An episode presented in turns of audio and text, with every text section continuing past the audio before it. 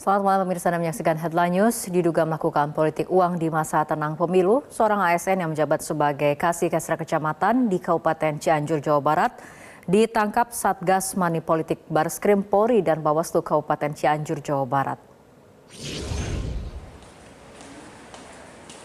Dari tangan terduga pelaku, Satgas Money Politik Baris Krim Polri dan Bawaslu Kabupaten Cianjur menyita sejumlah amplop berisi uang dan spesimen contoh kertas suara yang diarahkan ke salah satu calon legislatif dari salah satu partai peserta pemilu.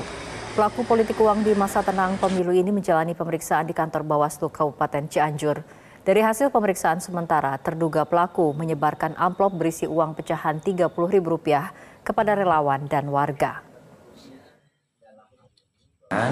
dan eh, hasil eh, keterangan-keterangan yang kemudian kita eh, lakukan kepada eh, pihak yang diduga melakukan perbuatan tersebut bahwa eh, ada bukti-bukti yang kemudian disampaikan kepada kami yang kemudian itu diserahkan oleh eh, saudara eh, pelaku yang diduga melanggar perbuatan eh, tersebut. Jelajahi cara baru mendapatkan informasi. Download Metro TV Extend sekarang.